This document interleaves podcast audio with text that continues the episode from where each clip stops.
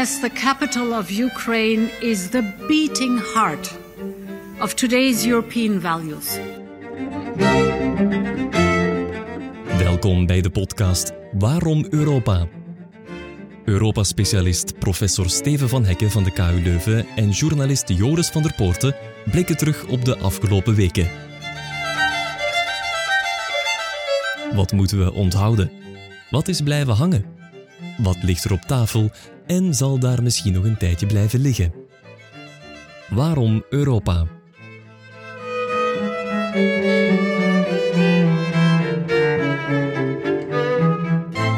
We hoorden in het begin van deze aflevering commissievoorzitter von der Leyen in de Oekraïnse hoofdstad Kiev op Europadag 9 mei. Uiteraard moeten we het over zo'n dag hebben in een terugblik op de afgelopen maand. Von der Leyen heeft daar nog eens het elfde sanctiepakket tegen Rusland uit de doeken gedaan. Tegelijk wil de commissie nog eens 500 miljoen euro vrijmaken voor wapens voor Oekraïne. Ook van afgelopen maand Europese inspanningen om techbedrijven in de pas te laten lopen. En de publicatie van de Engelse vertaling van Waarom Europa. Niet van deze podcast, maar van het gelijknamige boek. De auteurs zijn hier. Europa-specialist aan de KU Leuven, Steven van Hekken. En journalist Camille Vermeijlen van KNAK. Welkom allebei. Dag Joris. Dag Joris. Ja, zoals gezegd, op 9 mei heeft von der Leyen Kiev bezocht. Op dat moment wordt in Moskou een parade gehouden om het einde van de Tweede Wereldoorlog te vieren en haalt Poetin nog eens uit naar het westen. En net dan is de commissievoorzitter in Oekraïne. Steven, qua symboliek kan dit wel tellen, toch? Ja, absoluut. Van der Leyen was niet op de traditionele viering in uh, Straatsburg. Het Europese parlement verwelkomde op dat moment de Duitse bondskanselier Scholz, die het vooral over een geopolitiek Europa had. Zij bracht het in de praktijk, als het ware, buiten de Europese Unie. Was dus eens te meer in Kiev, waar ze door Zelensky is ontvangen, die trouwens daar heeft gezegd dat hij, net zoals de Europese Unie, uh, voortaan het einde van de Tweede Wereldoorlog op 8 mei zal vieren en 9 mei zal voorbehouden als Europadag. Nou, tussendoor, waarom is 9 mei Europadag? Algemeen wordt 9 mei gezien als de geboorteakte van wat vandaag de Europese Unie is, omdat op 9 mei 1950 de Frans minister van Buitenlandse Zaken, Robert Schuman, zijn fameuze verklaring heeft gegeven in Parijs, dat dan aanleiding heeft gegeven tot de oprichting van de Europese Gemeenschap voor Kolen en Staal, de EGKS, met de zes stichtende EU-lidstaten. Oké, von der Leyen was op die 9 mei dus in Kiev en ze heeft daar nog eens uitgelegd waarom dat elfde sanctiepakket nodig is. We recently see a growth of highly unusual trade flows between the European Union and certain third countries. These goods then end up in Russia. And this is why, secondly, we are proposing a new tool to combat sanction circumvention. If we see that goods are going from the European Union to third countries, and then end up in Russia, we could propose to the member states to sanction those goods export. Export naar landen buiten de Unie belandt dus soms in Rusland. Met andere woorden, de sancties lekken, Steven, en de commissie wil het lek blijkbaar stoppen? Ja, er is wat frustratie natuurlijk over niet alleen de gebrekkige impact in Rusland zelf, maar ook op de wijze waarop uh, derde landen al of niet meewerken. En het elfde sanctiepakket wil daar komaf mee maken, wil eigenlijk het omzeilen van de sancties vermijden. Bijvoorbeeld met landen als Armenië, de export naar Rusland is spectaculair toegenomen, meer dan verdubbeld. Uh, onder meer ook was en machines. De vraag is, ja, waarom hebben de Armeniërs die plots nodig van andere landen en worden die dan door en versluist naar uh, Rusland. Dat is natuurlijk omwille van de microchips die daarin zitten. En aan die praktijken wil de Europese Commissie paal en perk stellen. Ja, en gaat het ook om China? Want dat liet von der Leyen toch verstaan hè, in de marge van de G7-top in Japan. Ja, dus China was een beetje de gemeenschappelijke vijand. Uh, in uh, Hiroshima, uh, onder druk wellicht van de Verenigde Staten en gastheer Japan. Men sprak zelfs van economische dwang. Er zijn ook al wat precedenten, onder meer Litouwen heeft al sancties gekregen en eigenlijk wil men de, ja, zeg maar China wat beteugelen door zelf ook extra exportcontroles in te voeren. Eigenlijk allemaal kaderend in die strategische autonomie. Europa wil haar eigen boontjes doppen en minder afhankelijk worden van China. Maar om terug te keren naar het sanctiepakket, dat moet nog door de lidstaten worden goedgekeurd. Hoe vlot verloopt dat, Camille? Wel, um, zoals het Europees buitenlandbeleid stipuleert, moeten inderdaad alle lidstaten het unaniem eens geraken over zo'n sanctiepakket. En momenteel zijn er, zoals we dat al vaker hebben gezien, um, nog een beetje problemen in die zin dat Hongarije en Griekenland alle twee het eh, elfde sanctiepakket tegenhouden. Um, ze doen dat eigenlijk omwille van het feit dat er een aantal bedrijven op een lijst opduiken en ook die bedrijven uh, zouden kunnen worden gesanctioneerd. En zowel Hongarije als Griekenland vragen nu eigenlijk om een aantal van die Griekse en Hongaarse bedrijven van de lijst te schrappen. En vermoedelijk zullen ze daar ook wel in slagen. Zoals we in het verleden ook hebben gezien, heeft Hongarije bijvoorbeeld een vrijstelling gekregen op sancties uh, op pijplijnolie uh, of andere uitzonderingen. Dus ik verwacht wel dat het er um, binnen afzienbare tijd komt. Maar ja, zoals we steeds zien bij die sanctiepakketten, verloopt het aanvankelijk niet altijd even gemakkelijk. Maar het is wel opnieuw Hongarije. Het is opnieuw Orbán die dwars ligt, niet voor het eerst. Heeft hij nog vrienden in Europa? Steeds minder en minder, uh, maar Orbán slaagt er bijna altijd heel goed in om net niet te ver te gaan. Hè. Daar is hij een, absolute kei in. En je merkt wel in andere lidstaten dat de vrevel blijft toenemen en toenemen. Maar anderzijds, ja, willen er in de toekomst ook nog sanctiepakketten bijkomen en zullen ze Orbán toch ook aan boord moeten houden. En hij beseft maar al te goed dat hij die macht heeft, in tegenstelling tot bijvoorbeeld de Polen, die steeds weer opnieuw heel hard doorduwen ja, uh, gebruikt, sommigen zullen zeggen misbruikt, uh, Orbán uh, zijn rol in, in, in de mogelijkheid om um, een veto te stellen. Ja, heel strategisch. Um, veel vrienden levert hem dat niet op. maar ja, goed, het is, het is met hem of het is niet. Steven, ben je het daarmee eens? Want in het begin van het conflict zagen we ja, unanimiteit. Er was onmiddellijk instemming van alle lidstaten om, om te sanctioneren. En die unanimiteit, dat lijkt toch wel een beetje weg, hè? Ja en nee. Nee, want de unanimiteit geldt natuurlijk nog altijd voor alles wat destijds is beslist en waarvan de termijnen telkens worden verlengd. Maar het klopt wel omdat het steeds moeilijker wordt om nieuwe elementen aan dat pakket toe te voegen. Het laaghangend fruit is al lang geplukt. De situatie op het terrein, veel lidstaten denken toch dat het wat geblokkeerd zit. We zullen zien wat het fameuze lenteoffensief nog in eh, petto heeft. Maar vooral de lidstaten beginnen natuurlijk meer en meer een eigen rekening te maken. Uh, what's in for us? wat zijn de kosten versus de baten? We hebben het al gezien via de zogenaamde graandeal.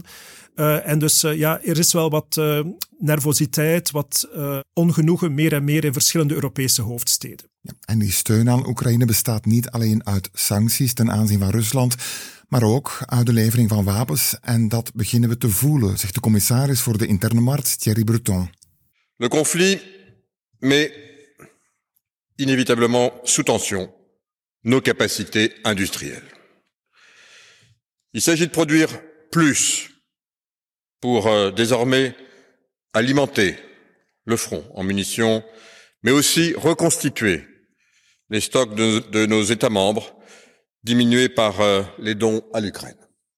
Europa moet meer munitie produceren, zegt Breton. 1 miljoen stuks het komende jaar, raketten, artillerie, noem maar op. En daar wil hij 500 miljoen euro voor vrijmaken. Is dat haalbaar, Camille? Zijn de Europese geldpotten nog genoeg gevuld? Ik denk wel dat het haalbaar moet zijn, in die zin dat de Europese Unie, denk ik, ook wel begrijpt dat dit misschien wel het offensief van de laatste kans wordt voor Oekraïne om echt nog vorderingen te maken op het terrein. En daarvoor heeft het land uh, uiteraard ook uh, een stukje artillerie nodig en, en, nog, nog veel andere soorten munitie. Um, en dat past uh, dan binnen het instrument van de zogenaamde vredesfaciliteiten, dat in 2021 is opgericht. Maar Breton wil nu ook er, uh, elders het, geld gaan zoeken voor die 500 miljoen. Um, bijvoorbeeld nog bij zaken die via het coronaherstelfonds nog, um, nog overblijven. Um, dus ik denk wel dat het in orde komt hoor. Het is in het verleden al meermaals het vraagstuk geweest hoe de lidstaten en hoe de Europese Unie die geldpot van de vredesfaciliteit opnieuw kan vullen. Maar wat je wel ziet in het algemeen is dat de Oekraïne-oorlog in combinatie met de uh, coronacrisis ervoor heeft gezorgd dat die Europese meerjarenbegroting eigenlijk onder druk staat. En deze zomer um, zal die discussie, denk ik, um, ja, opnieuw in volle zwang komen, omwille van het feit, ja, die potten die moeten wel teruggevuld geraken. Als ik je hoor zeggen, hij moet gaan schrapen in het corona-herstelfonds om een oorlog te financieren, dat wijst toch op, op, op krapte? Ja, dat is absoluut zo. Hè. Er, is, er is krapte en um, ja, de Europese meerjarenbegroting die loopt van 2021 tot 2027. En nu in de zomer van 2023 merken we eigenlijk al um, dat het water ons aan de lippen staat. Dus er zal een nieuwe discussie moeten plaatsvinden onder de lidstaten om te kijken waar men geld kan vinden om uh, bepaalde potten opnieuw te kunnen vullen. En dat worden ongetwijfeld opnieuw moeilijke discussies. Ja, nu Steven, de evolutie is misschien toch wel opvallend. Hè? Vandaag wordt er in het corona-herstelfonds ja, naar de restjes gekeken om, om die munitie te financieren. In het begin van het conflict was Duitsland bereid om, om helmen te leveren. Vandaag spreken we over wapens, munitie, zelfs F-16's. Ja, klopt. Het schuift telkens op. Ook de financiering trouwens, die uit de lidstaten moet komen om al die wapens te kunnen leveren aan Oekraïne. Maar de rode lijnen zelf die zijn nog altijd dezelfde als bij het begin van het conflict.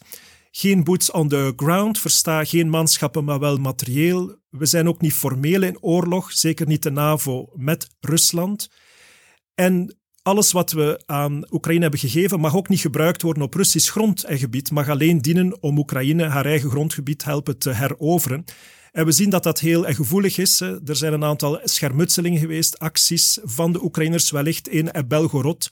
En dan zie je dat de alarmbellen afgaan als zou blijken dat inderdaad eh, Amerikaanse wapens, Amerikaanse voertuigen daarbij zouden gebruikt zijn. Dus dat is eigenlijk, eigenlijk echt een rode lijn die door de Oekraïners zelf niet mag overschreden worden.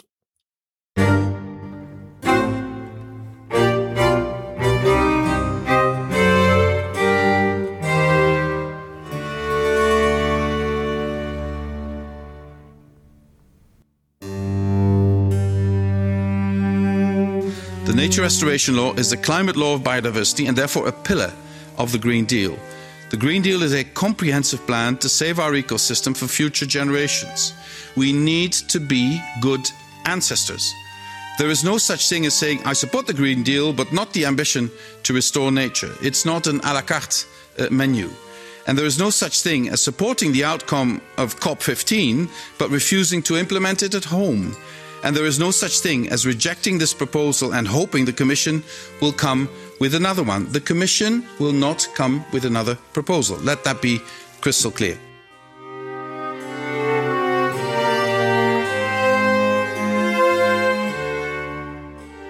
Hoorden commissaris Timmermans, bevoegd voor de Green Deal, tijdens een vergadering van de Commissie Landbouw in het Europees Parlement. Hij kwam er de Natuurherstelwet verdedigen, de ambitie om tegen 2030 20% van de Europese natuur te herstellen, te wapenen tegen de klimaatverandering, zeg maar. Het pleidooi van Timmermans mocht niet baten. De Commissie Landbouw heeft de wet verworpen, onder aanvoering van de Europese Volkspartij, waar ook de CD&V deel van uitmaakt. De EVP kreeg daarbij de steun van de liberalen. Op dat moment begon ook premier De Croo hier twijfels te uiten over de wet. En ook de fractie waar de NVA deel van uitmaakt is tegen. Vlaamse NVA-minister Zohaldimir ook trouwens. Wat is jouw politieke analyse, Steven?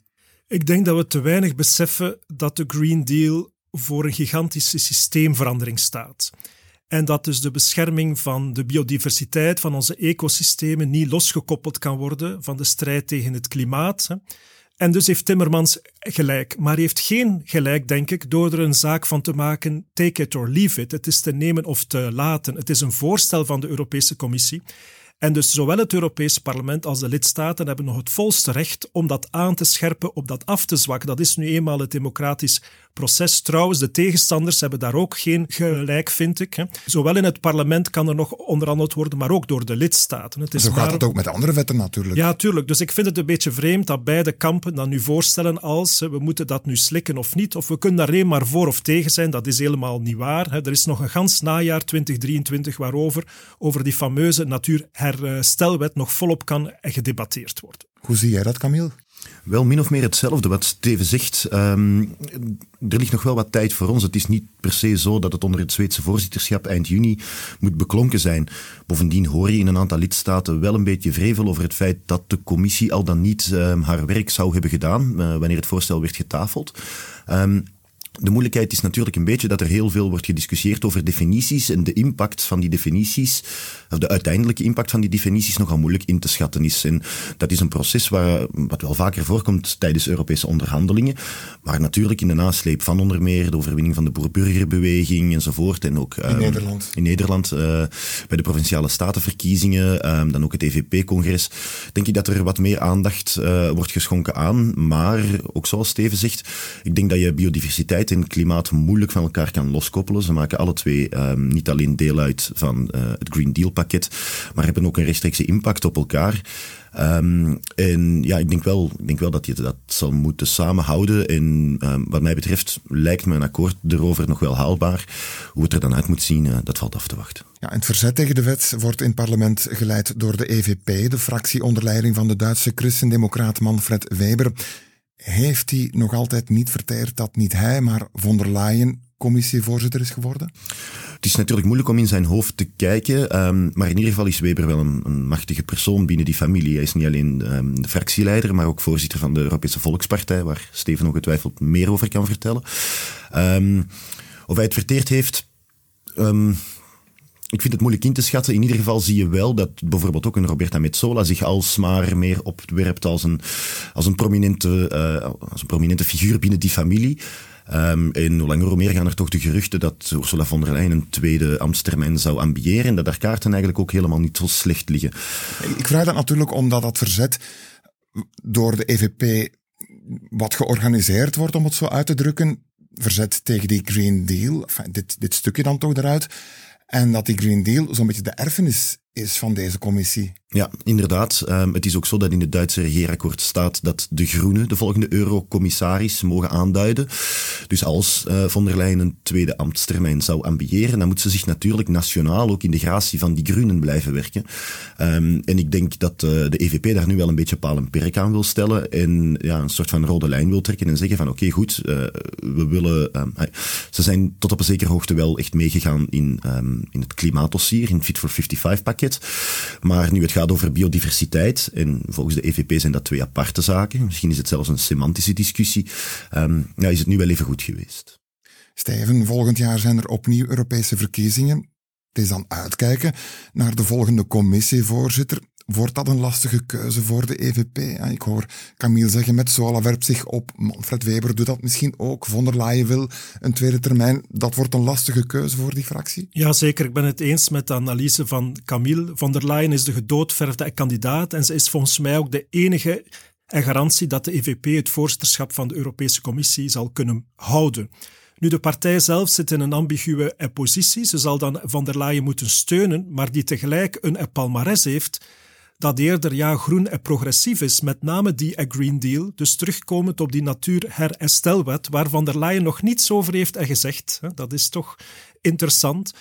Als dat nu wordt afgeschoten of afgezwakt, zou het haar wel eens goed kunnen uitkomen, want dan maakt het haar en gemakkelijker om namens de EVP en haar en palmares in gans Europa campagne te voeren bij de Europese verkiezing van volgend jaar. To be seen.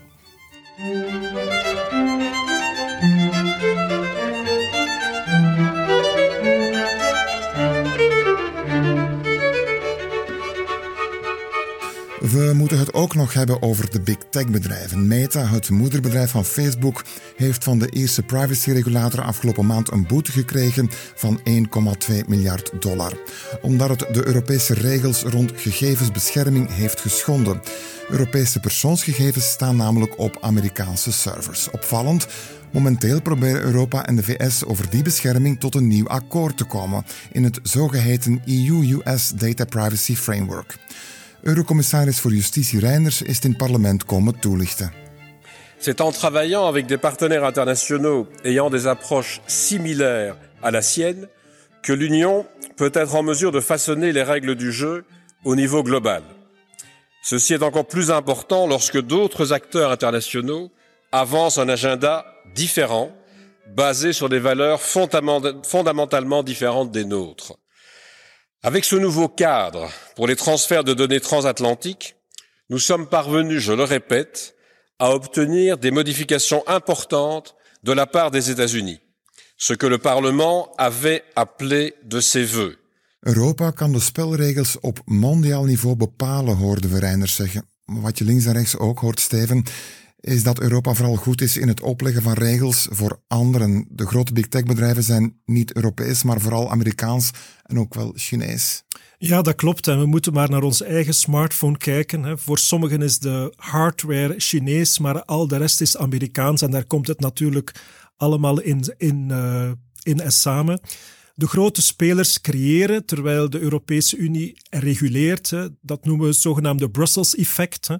Uh, dat is een boek dat een aantal jaar is geschreven. Het is dus goed en belangrijk dat de Europese Unie in staat is om de wereldwijde standaarden te zetten, bijvoorbeeld op vlak van privacy. Het is nu trouwens vijf jaar geleden dat die fameuze GDPR in werking is getreden op vlak van milieu, op vlak van consumenten en bescherming. Maar het zou natuurlijk nog beter zijn mocht, het Europese creativiteit zijn mocht het Europese welvaarts en creatie zijn. Helaas moeten we nu toegeven dat de innovaties van elders komen. Is het niet uit China, dan zeker uit de Verenigde Staten. Waar is jouw analyse, Camille? Want eigenlijk zien we vandaag hetzelfde gebeuren met artificiële intelligentie. De belangrijkste spelers zitten in de VS en Europa houdt zich bezig met regels. Het is inderdaad wat Steven zegt. En ook op vlak van AI blijkt het voor de Europese Unie moeilijk om tot een akkoord te komen. Ik denk dat het ongeveer twee jaar geleden was dat, uh, dat de commissie het voorstel uh, heeft getafeld.